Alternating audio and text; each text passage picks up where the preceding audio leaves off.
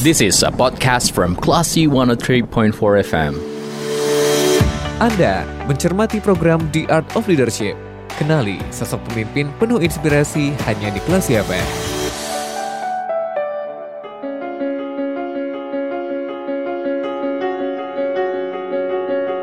Dari Bumi Karang Putih Darung Padang, 103.4 Kelas FM, this is the actual radio. Assalamualaikum, apa kabar Kelas People? Semoga selalu dalam keadaan yang terbaik. Saya Lia Priyanka, Anda sedang mencermati program The Art of Leadership. Jadi di program ini kami menghadirkan narasumber yang sangat luar biasa, yang akan kita ajak ngobrol untuk bisa mengetahui seni memimpin atau prinsip memimpin apa yang dipegang oleh beliau. Dan kali ini tamu spesial saya adalah Direktur Utama RSUPM Jamil, ada Dr. Dr. Dovi Janas SPOG KFM Mars. Assalamualaikum Dr. Dovi apa kabar? Waalaikumsalam. Kabar baik Mbak Lia. Sehat Pak? Alhamdulillah, sehat. Mbak sehat. Alhamdulillah sehat. Kalau bicara kesehatan dengan dokter ini sudah udah khatam udah pakarnya lah ya Pak ya. siap, siap. Pak Dovi terima kasih banyak sudah menerima kita dari kelas FM untuk bisa ngobrol dengan Pak Dovi. Kita akan bicara mengenai seni memimpin nih Pak Dovi dalam program Iya. The Art of Leadership. Tapi sebelumnya saya mau mengucapkan selamat dulu. Makasih. Selamat atas posisi dan amanah baru yang Bapak pegang sebagai Direktur Utama RSUP M Jamil Padang. Iya, makasih. Boleh cerita Pak sudah berapa lama nih berada di kursi panas ini?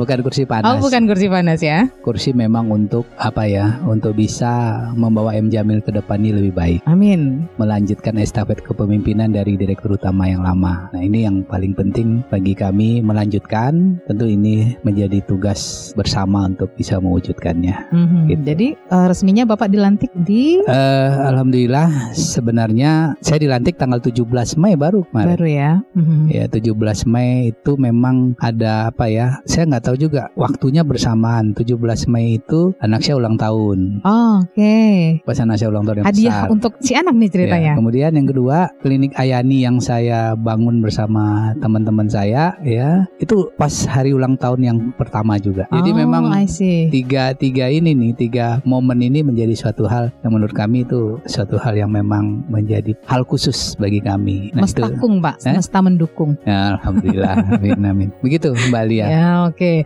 baik. Selamat sekali lagi untuk posisi dan Makasih. amanah baru Bapak. Ya. Uh, mudah-mudahan di masa jabatan yang Bapak emban sekarang, M Jamil sebagai rumah sakit nomor satu di Sumatera Barat dan bahkan mungkin di Sumatera Tengah ya bisa Ya. semakin maju, semakin uh, bermanfaat untuk masyarakat. Amin, amin, makasih. Oke, nah uh, Bapak sekarang sebagai uh, Direktur Utama M Ya. Jamil. Sebelum Bapak berada di posisi ini, Bapak sudah berada di uh, organisasi apa saja? Barangkali Bapak boleh cerita. Ya, jadi alhamdulillah saya mencapai apa namanya bisa memimpin M Jamil ini tentu bukan pekerjaan mudah tapi amanah yang harus kami jalankan. Mudah-mudahan ini bisa memberi kebaikan bagi kita semua, Ya. khususnya untuk layanan kesehatan bagi masyarakat di Sumatera Barat maupun Sumatera bagian tengah. Nah, sebelumnya kami sudah menduduki jabatan direksi juga ya. Kebetulan sebelum ini saya menjabat Direktur SDM Pendidikan Ya. dan Umum di Rumah Sakit M Jamil udah tiga setengah tahun ya tiga setengah tahun dari Oktober 2019 nah kemudian kalau organisasi saya sebelumnya ya saya pernah menjadi sekretaris Pogi Sumba Hmm, kemudian hmm, hmm. itu 2015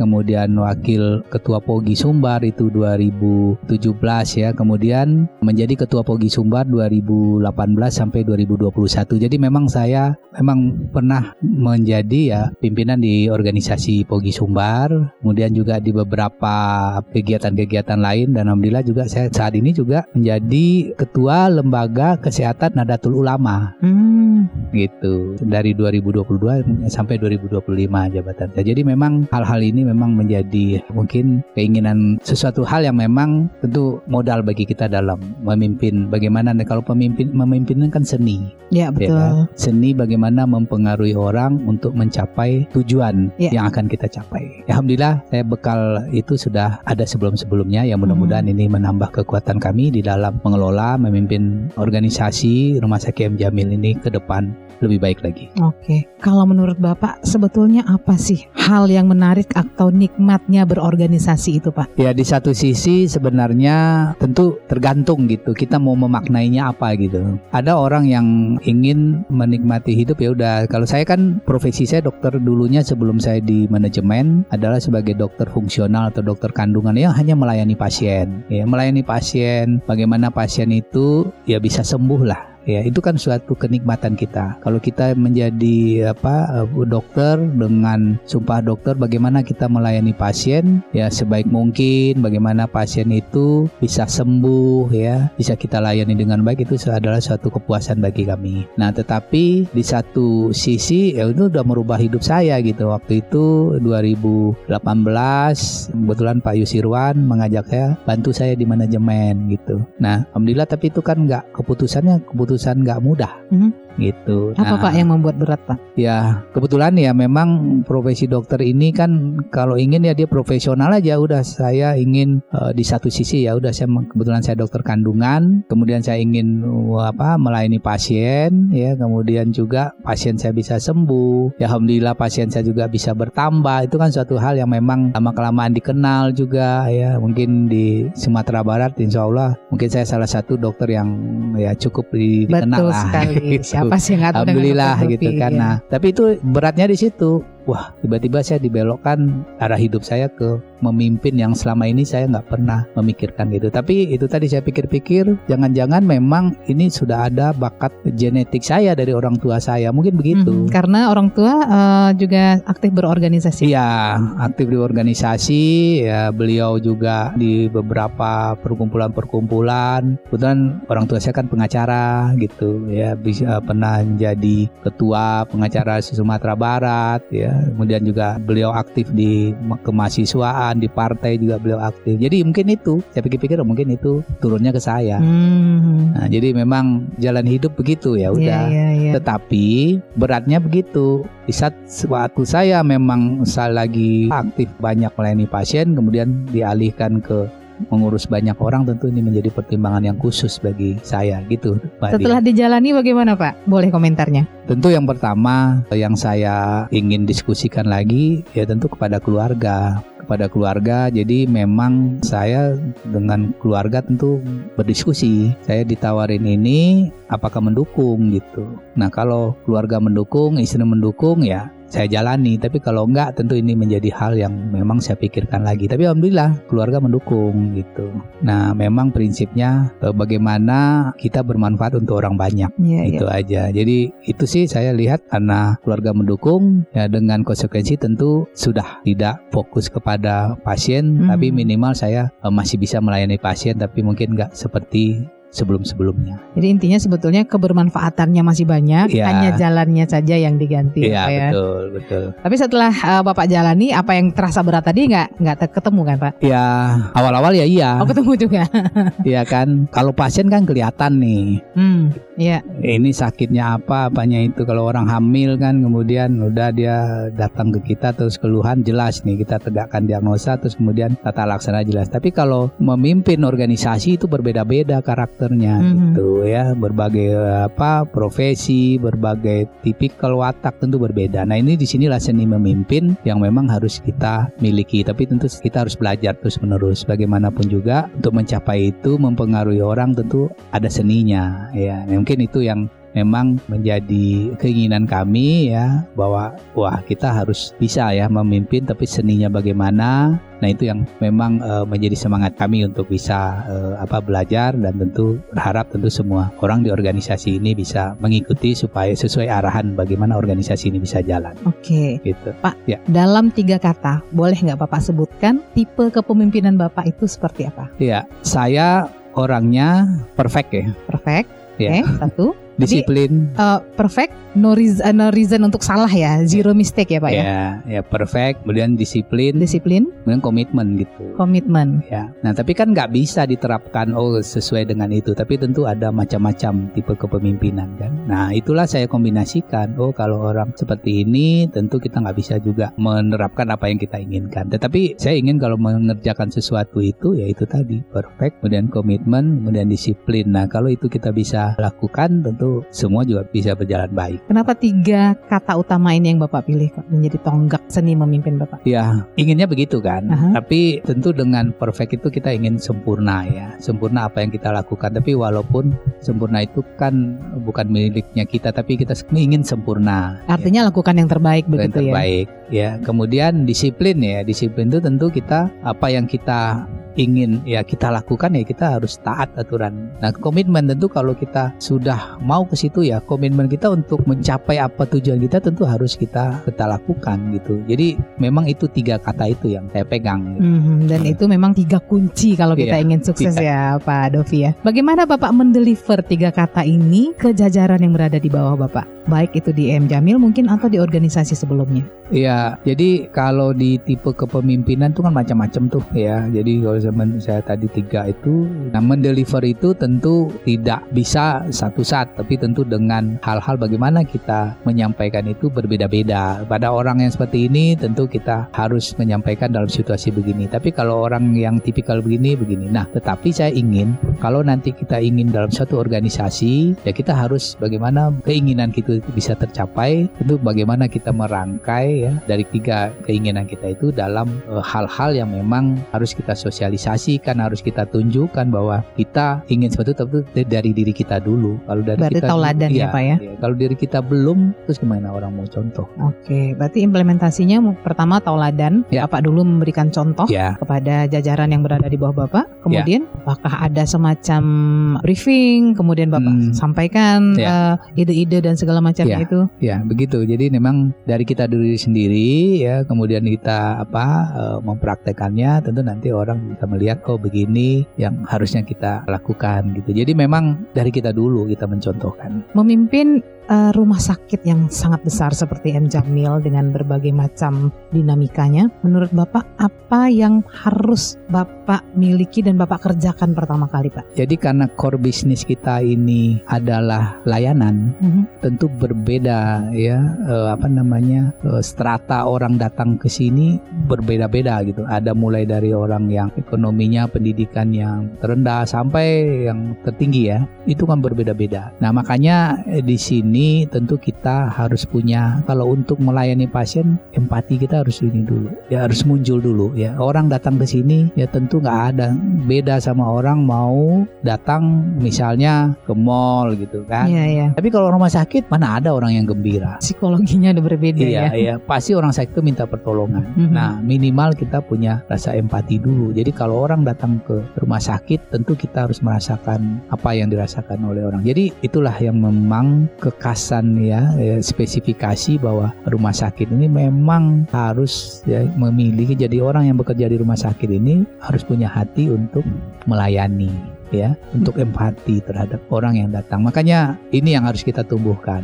Ke depan itu kita ingin seperti itu ya. Semua hospitalia rumah sakit M Jamil tentu harus punya budaya seperti itu sehingga kalau kita sudah merasakan apa yang dirasakan orang pasti Mhm. kita akan melayani dengan baik. Gitu. Menurut Bapak itu sudah berjalan selama ini? Saat ini sudah berjalan tapi mungkin belum optimal. Nah, ini yang harus kita tumbuhkan budaya-budaya ini ya, budaya melayani ya. Ya jadi kalau kita sudah bekerja di sini di tempat layani tentu kita punya hati untuk melayani ya. Itu itu harus ya. Nah, sehingga kalau sudah kita mendapatkan itu ya, nah saya rasa tinggal mudah kita bagaimana hal-hal ini kita bisa wujudkan di lapangan gitu. Nah, ini Hmm. yang harus ke depan kami punya apa keinginan semua itu harus mulai level atas sampai bawah itu harus memang punya budaya melayani. Nanti kira-kira implementasinya dengan cara apa Pak untuk meningkatkan budaya melayani ini Pak? Ya, tentu kalau kita bicara itu tidak gampang ya. Mhm, mhm. Ya, perilaku gitu kan tidak gampang. Mohon maaf nih kalau di Sumatera Barat kan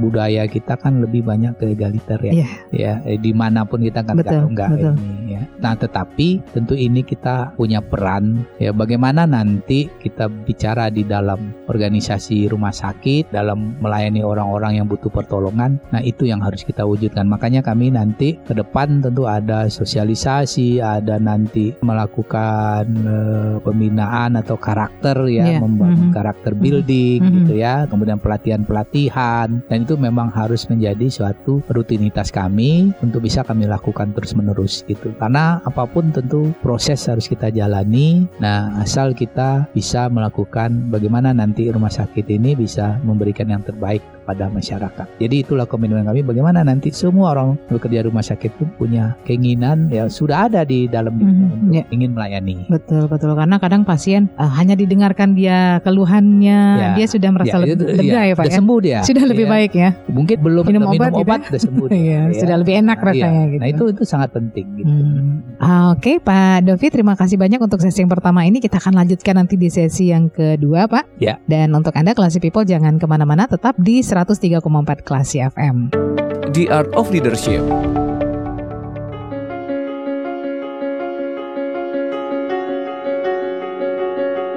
Seratus 103,4 Kelas FM, this is the actual radio. Classy People, Anda masih bersama saya Lia Priyanka dan kita berada di program The Art of Leadership. Tamu istimewa saya kali ini adalah Direktur Utama RSUPM Jamil, ada Dr. Dr. Dovi Janas SPOG KFM Mars. Ini adalah sesi yang kedua Classy People. Wah, ini kalau saya baca gelar Bapak panjang ya Pak ya.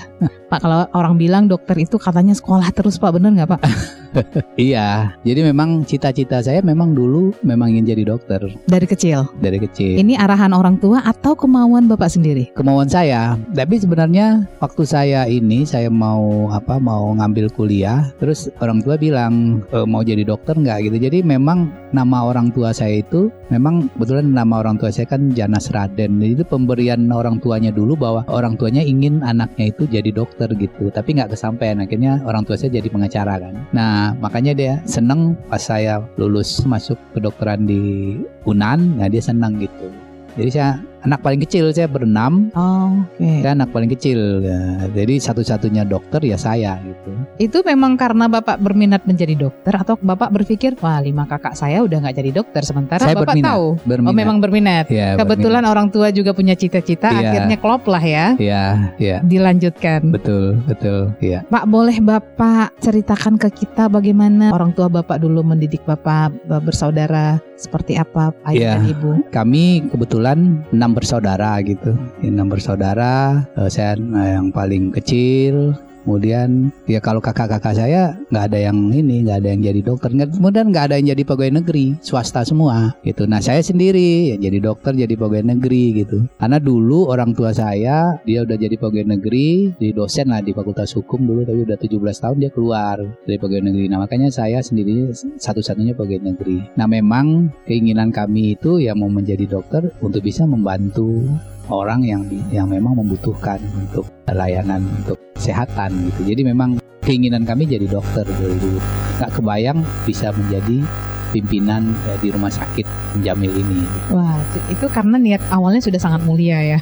iya. Karena niat kan yang sebetulnya niat ini yang paling penting sebagai fondasi ya, Pak Iya, Dovi ya. iya, iya, Jadi kalau niatnya sudah bagus, nanti insya Allah ada aja jalannya gitu. betul betul. betul. Bapak lebih dekat ke siapa nih? Ke orang tua laki-laki atau ke orang tua perempuan? Sebenarnya kedua-duanya sih, Mhm. tapi yang nah, paling dekat ya biasa ibu gitu. Oh, ibu. Ya, ya alhamdulillah ibu kan sekarang masih ada umur 84 tahun. Oh, Kalau papa sih udah almarhum dulu di 2018. Nah, jadi memang saya dididik yaitu dari dari kedua orang tua tapi yang memang apa yang saya ambil dari orang tua yang bapak gitu dia disiplin.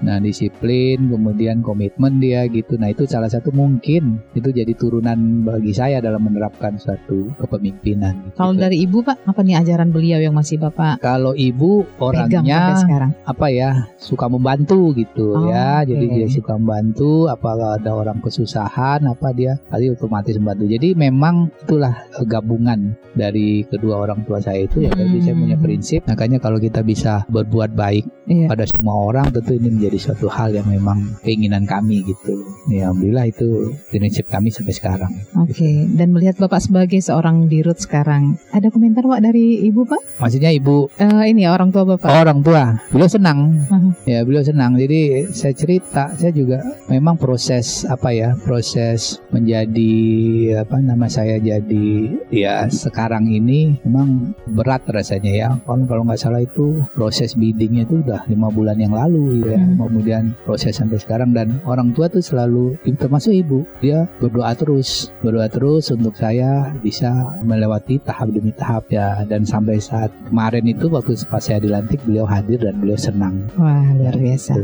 Nah ini nih kelas people ya, memang doa orang tua nih ya Pak ya. Iya, iya itu. Mau bagaimanapun seorang anak eh, berusaha kalau sudah didukung oleh orang tuanya jadi lengkap eh, Amin, amin. perjuangannya ya Iya, Pak ya. saya saya meyakini itu. Hmm. Jadi kalau kita sama orang tua tentu doa orang tua lah yang bisa dia diluruskan oleh Allah ya permintaan-permintaan kita. Nah itu itu sudah saya yakini dari dulu. Apalagi doa seorang ibu ya Pak Iya, Dovi doa ya. seorang ibu. Nah itu doa seorang ibu itu kan katanya mustajab ya. Jadi Iya. kalau masih ada orang tua, masih ada ibu, Iya. mintalah izin atau mintalah restu kepada orang tua kita ya Betul, Pak iya. Dovi ya. Iya. Pak eh, boleh cerita Bapak sebagai suami seperti apa Pak di rumah Pak? Sebagai ayah juga? Kalau saya tentu kalau sebagai kepala keluarga ya kewajiban saya tentu seperti ya suami, orang tua ya bagaimana nanti kepada istri, pada anak-anak alhamdulillah saya kan anak dua orang gitu. Dokter juga Pak? Ya, yang yang pertama anak saya dokter perempuan lagi eh, menjalani eh, koskap namanya praktek di bulan di rumah sakit ini. Eh, kemudian yang kedua juga baru semester 2 dokter juga. Jadi anak saya sepasang. Nah, dan tentu saya menyerahkan jadi eh, kalau saya sama keluarga ya tetap menyisihkan waktu untuk anak-anak, untuk keluarga gitu. Nah, tapi alhamdulillah kedua anak saya, istri saya juga kebetulan dokter juga. Makanya eh, kita itu ya ini enak diskusinya gitu ya. Jadi diskusinya enak, memberi masukan. Jadi saya seperti ini ada diskusi dengan istri bagaimana ke depan, bagaimana kita melangkah. Nah, itu semuanya peran istri sangat besar gitu. Kalau keluarga dokter ngomong di meja makan tuh ngomongin apa Pak? Kepo saya Pak. Ya, Bapak kalau di dokter, meja, ibu mak- dokter, di meja makan dokter. ya macam-macam. Apakah kedokteran juga yang dibahas ya Pak? macam-macam nanti kalau misalnya mau di luar itu luar kedokteran juga boleh tapi kalau memang ada spesifik ya udah kita bicarakan aja sambil sambil makan sambil ngobrol gitu jadi eh, nggak terbatas sih kalau memang Hmm. ada ya kita ini kan tapi kalau enggak ya udah kita ngomong-ngomong yang lain gitu Oh, Oke. Ya. Nah, kalau Bapak sebagai uh, seorang ayah dan kepala keluarga, value apa yang Bapak selalu tanamkan kepada anggota keluarga, Pak? Betul tadi disiplin lah. Bagaimanapun juga kalau kita disiplin pasti apa yang kita akan dapatkan pasti mudah mendapatkannya. Tapi kalau nggak disiplin ya eh, pasti sesuatu itu susah. Jadi makanya mungkin dari orang tua nih. Jadi orang tua laki-laki saya untuk mendapatkan sesuatu itu nggak mudah gitu. Jadi Harus harus, ada ada usaha. gitu. Nah itu yang yang saya terapkan sampai sekarang ini sama anak-anak juga ya walaupun mungkin secara materi mungkin anak-anak eh, apa bisa mendapat tapi kalau saya ngajarin nggak gampang untuk mendapatkan itu harus ada proses ada usaha gitu jadi itu saya ajarkan kepada anak-anak Oke. gitu. Menjadi dokter ini adalah cita-cita yang dipupuk oleh banyak orang di Indonesia ya Pak ya. Dalam artian banyak sekali anak-anak yang bercita-cita menjadi dokter dan juga banyak orang tua yang ingin anaknya menjadi dokter. Tapi tidak banyak yang kemudian berhasil mencapai posisi tersebut yang kemudian berhasil menjadi seorang dokter. Sebagai seorang dokter yang juga memiliki anak juga di Fakultas Kedokteran, apa saran terbaik yang bisa Bapak berikan kepada pendengar kita, Classy People, agar anak-anak mereka berhasil menjadi dokter dalam kondisi ekonomi apa pun? jadi menurut saya mungkin semua orang tua ya semua orang tua pengen anaknya menjadi dokter gitu karena satu yang saya lihat minimal kalau ada keluarganya menjadi dokter minimal dia bisa ngobatin keluarganya Iya, itu itu paling umumnya Pak, keinginan Iya. paling umum ya. Iya, minimal, minimal itu. Nah, tetapi tentu sekarang ini apa pun yang diinginkan oleh anak itu ya harus kita dukung. Nah, tapi makanya saya bilang kepada anak saya, yang anak yang paling kecil tuh, saya nggak pernah maksakan dia jadi dokter gitu. Awalnya dia dia mau jadi kuliah di teknik gitu ya. Tapi kenapa tiba-tiba dia apa? Dia ini ada ceritanya kalau saya boleh cerita ya Boleh Pak, silakan. anak saya yang paling kecil itu dia nggak mau tuh karena dia lihat dokter ini serius banget gitu kan Mhm. kan dia lihat kakaknya itu kan yang pertama itu yang- Belajar terus gitu. belajar terus gitu kan kok nggak apa namanya nggak ada waktu mainnya gitu nah satu saat di jadi anak saya yang kecil ini dia dirawat di rumah sakit gitu Usia berapa Pak waktu itu? SMA, jadi SMA. SMA kelas naik kelas 3 gitu. Dia dirawat, kemudian waktu itu gejalanya apa dia kan jatuh dari motor. Kemudian eh, dipasang pen lah sama dokter, kemudian Mhm. dibuka. Nah, pas setelah dibuka kemudian dia dapat sakit demam berdarah. Gitu mungkin udah dapat dari rumah rawat kemudian nah di situlah berubah pikirannya ternyata dokter ini ada juga yang gayanya seperti orang-orang biasa aja gitu ya jadi yang bercanda dikira orang orang serius jadi Oh. setelah oke. dia li- lihat-lihat seperti itu dan dia ngerasakan bahwa dia dirawat kemudian diperhatikan oleh dokter-dokter yang memang eh, merawat dia dia makanya timbul keinginan dia oh ya saya jadi dokter aja karena Hmm. memang dokter itu bisa perspektifnya jadi berbeda tadi Iya. ya. iya begitu jadi di- begitu jadi memang bisa membantu orang aja begitu Jadi Itu dia. gimana Pak sarannya untuk uh, orang tua yang anaknya ingin menjadi dokter Pak? ya harus di ini. Disupport. harus disupport ya. Harus bagaimanapun juga itu adalah semua profesi itu kan baik ya. Tapi kenapa orang tua harus mensupport dokter? Ya karena itu. Karena bisa membantu orang untuk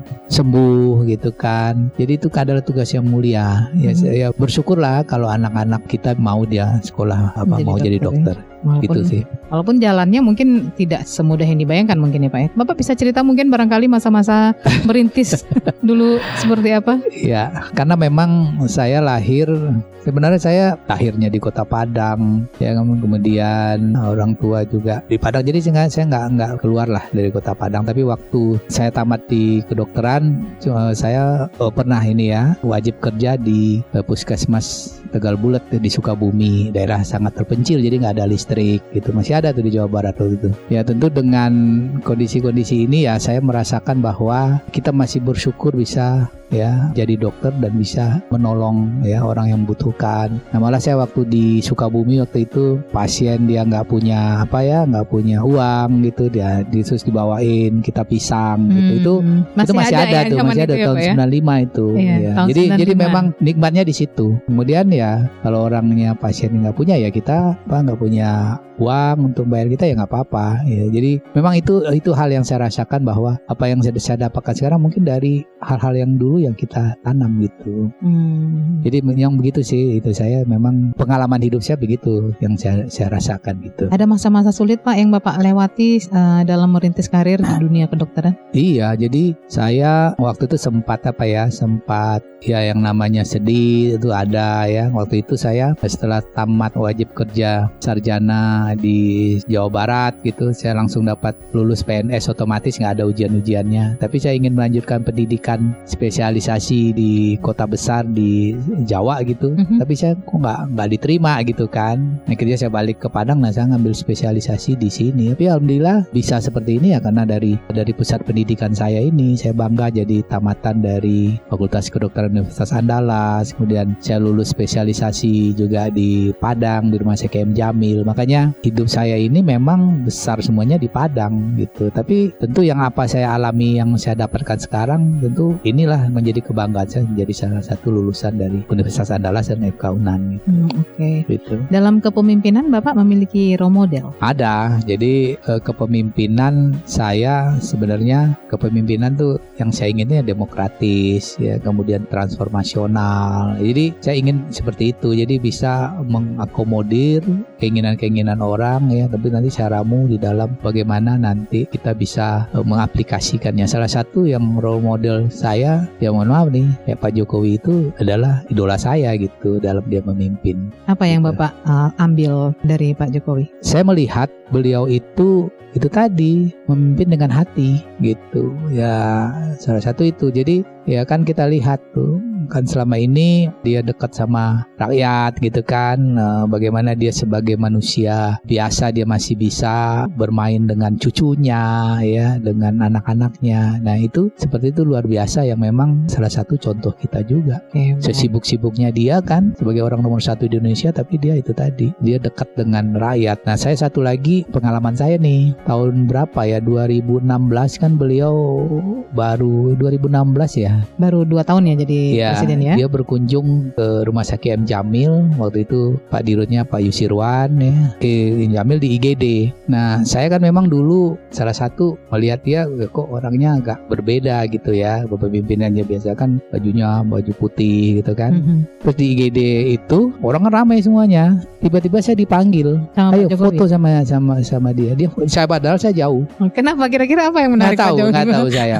Itu ada fotonya tuh. Fotonya itu ada saya simpan di tempat praktek saya. Jadi itu saya taruh di apa figura itu ya. Jadi itu nggak tahu saya. Jadi karena mungkin tiba-tiba dari jauh tuh dia panggil sini sini sini. Ya udahlah orang pada rebutan tapi saya udah foto di samping dia gitu. Nah itu pengalaman saya sama dia. Jadi memang hal-hal seperti itu saya rasakan ya di dalam hidup saya gitu. Oke, luar biasa ya. Ya. Jadi ada berbeda atmosfernya ke- ketika itu ter- terjadi dan terasa ya, Ya, Pak Dovi Iya, ya. Ya. Nah, Pak Dovi, kalau misalnya nih ketika Bapak memiliki satu kebijakan dan kemudian uh, diteruskan ke jajaran yang lebih di bawah Bapak maksudnya, biasanya strategi apa yang Bapak pakai agar kebijakan tersebut diterima dengan baik oleh seluruh lapisan dan kalau ternyata ada penolakan, apa strategi yang Bapak gunakan Ya. kemudian? Ya, tentu kalau kebijakan yang kita bikin tentu menjadi suatu hal untuk kebaikan organisasi ya. Ya, nah, jadi yang tentu untuk harus sesuai dengan bagaimana nanti harus dilakukan oleh semua orang gitu. Nah di satu sisi itu nggak semua orang bisa langsung menerima gitu. Nah kalau nanti di dalam apa penerapan kebijakan itu yang jelas nanti kita lihat oh ini kebijakan kita sudah kita lakukan tapi nanti tidak ada orang yang menjalani ya nanti kita kita pantau aja dulu ya pantau kemudian kok belum juga ya nanti kalau belum tentu ini yang kita tahu ini kenapa kok belum gitu. Nah yang penting kalau kita udah sepakat untuk melaksanakan kebijakan tentu yang paling itu kita tadi komitmen untuk melaksanakannya. Nah komitmen melaksanakan tentu itu bagaimana kita mempunyai uh, kepemimpinan itu tadi bisa uh, bersama-sama dengan staf kita atau bawahan kita untuk melaksanakan apa yang sudah kita bikin kebijakan dan komitmen kita untuk bisa kita jalankan. Oke, Gitu. Bapak, Bapak tipe yang pemarah atau sabar Pak? Campur-campur. Campur. Tergantung situasi. Iya, iya. Ya, Tapi kalau ya sebenarnya kalau marah itu kan lumrah aja ya, Mhm. udah nggak dilaksanakan, kemudian kita sudah beri arahan, nggak juga dilaksanakan, tentu ada juga lah namanya sifat manusia, ya kan manusia itu nggak sempurna. Nah tapi di satu sisi juga kita bisa memperhitungkan juga, ya bagaimana nanti hal-hal yang harus kita lakukan tentu sesuai dengan situasi-situasi yang kita hadapi. Jadi memang ini kita kombinasikan bagaimana ya sifat marah kita itu ya jangan kita munculkan kalau bisa gitu Jadi ya. itu terakhir tindakan terakhir yang Iya, harus betul. dilakukan ya. Oke, kalau gitu nanti di sesi berikutnya saya ingin bicara mengenai punish and reward yang biasa Bapak terapkan seperti apa dan monitoring Bapak untuk di M Jamil seperti apa supaya kebijakan-kebijakan itu berjalan dengan baik. Tapi nanti di sesi ketiga ya Pak ya. Ya, makasih. Oke, baik Classy People, kita break sejenak. Kami akan kembali lagi untuk Anda dalam program The Art of Leadership. Tamu spesial saya kali ini adalah Direktur Utama RSUPM Jamil, ada Dr. Dr. Dovi Janas SPOG KFM Mars. The Art of Leadership.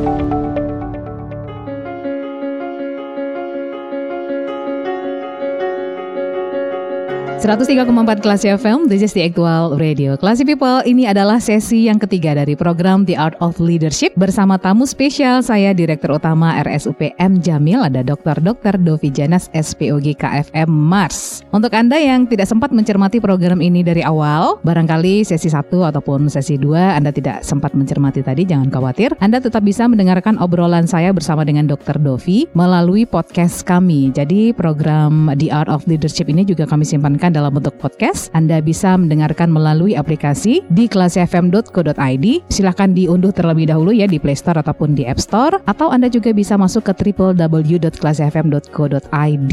Jadi eh, kalau misalnya kelewatan nih Pak, mungkin putra putri Bapak atau kolega atau istri atau ibu orang tua gitu ya nggak sempat dengerin dari awal atau Bapak sendiri mungkin nggak sempat nanti mau denger lagi nggak sempat dari awal pengen denger lagi nih obrolan kita ada podcastnya Pak. Iya. Jadi radio kan sekarang juga sudah dunia penyiaran kan sekarang sudah didigitalisasi juga ya, Pak ya. Iya, iya. Radio harus berinovasi supaya Mm, mm, pendengarnya tetap banyak nih Pak. Mm. Salah satu inovasi yang dilakukan kelas FM, mm, nah kami menyimpan program-program itu dalam bentuk podcast. mm. Jadi Ya. media radio yang katanya sekali dengar kalau udah lewat nggak bisa didengar lagi itu sudah terpatahkan. Iya, Sudah di ada inovasi kalau di radio. Pak, iya. Bapak kan sudah cerita nih bagaimana karir, organisasi yang Bapak pernah lalui. Kemudian sekarang juga sudah menjadi direktur utama dari rumah sakit terbesar di Sumatera Barat dan barangkali juga di Sumatera Tengah. Pepatah bilang di balik laki-laki sukses tuh ada perempuan hebat yang mendampingi. Boleh cerita Pak, sosok istri, sosok ibu seperti apa Pak?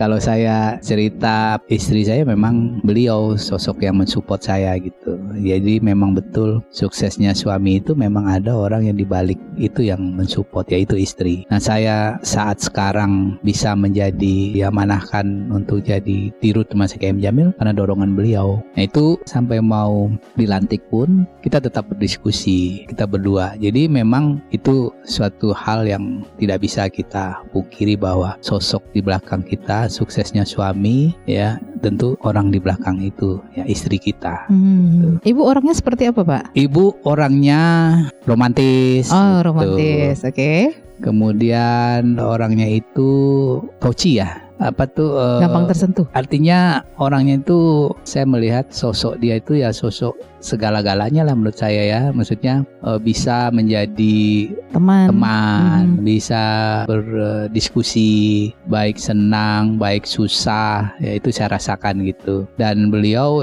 banyak ya, ya tentu juga eh, mungkin dari orang tuanya ya, mungkin orang tuanya ini atau mertua saya itu memang salah satu panutan saya juga, Nah, sehingga dari darah orang tuanya itu turun ke istri saya. Jadi itulah yang membuat saya seperti sekarang, tentu berkat dorongan dari istri tercinta gitu. Eh, tadi Bapak cerita Ibu juga dokter profesinya. Ketemunya di Unan, Pak, di Rumah Sakit Unan mungkin? Atau eh di Rumah Sakit M. Jamil mungkin? Atau di Fakultas Kedokteran Unan? Atau bagaimana, Pak? lucu lucu. Gimana, Pak, ceritanya, Pak? lucu. Jadi saya itu kan dulu hobinya ya zaman-zaman tahun tahun 80-an lah 85 86 ya.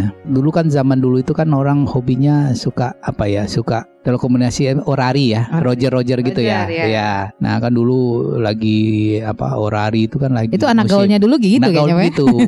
Jadi komunikasi luar udara gitu Iya. kan. Nah, lucunya saya itu kan suka orangnya suka ngegombalin. Maksudnya gini ya, bukan ngegombalin ya. Kan zaman-zaman remaja itu kan saya ya mohon maaf zaman-zaman tahun 8 li- apa 84, 85 itu ya termasuk saya ini eh, ya karena orang tua cukup dikenal gitu Mhm. jadi rasanya kalau lihat modulasi ya, modulasi Iya, iya. ya ibu-ibu lah yang ya, apa yang mengudara itu, saya lihat-lihat, loh kok ini saya ketemu sama ibu kok logat yang eh, yang yang ini yang saya kontak sekarang kok bagus ya kayak orang Jakarta gitu. Beda ya. Beda. Aha. Nah makanya pada waktu itu saya ini ya saya gombalin lah Hmm. namanya cowok yang lagi mau inilah cari pasangan gitu kan. Eh, ya, Zaman SMA ya, Pak ya? SMA gitu. Hmm, Akhirnya dia tertarik. tertarik gitu kan kelihatan kalau dia tertarik itu kan kelihatan dia respon, Respon apa yang ya. kita omongin tapi Iya. kalau enggak ya dia kan pergi aja Heeh. gitu nah setelah itu komunikasi komunikasi akhirnya kita Kopi darat. Iya, asik. kopi darat ya kebetulan kan orang tuanya kan eh, mertua saya yang perempuan kan kerja di BRI kemudian orang mertua laki-laki kerja di kantor gubernur jadi kadit bangdes lah di situ Eh, kopi darat gitu eh akhirnya cantik juga tapi masih kecil dua SMP Bapak kelas 2 dua SMA. SMA, gitu. Ibu Dia kelas dua SMP. Tapi Aha. dia dibandingkan dengan umurnya dia kayaknya lebih dewasa gitu. Hmm, ya. Saya melihat itu ya kita akhirnya terus berkomunikasi ya jadi deh. Iya. Gitu.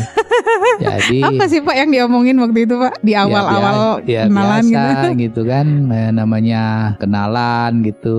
Nah tapi lucunya kalau setiap malam minggu tuh ya saya ditemenin jadi kalau ngapel malam minggu gitu kan ke rumahnya nggak pernah berdua gitu kan pasti ditemenin sama neneknya gitu. Oh, ngobrol-ngobrolnya. Iya.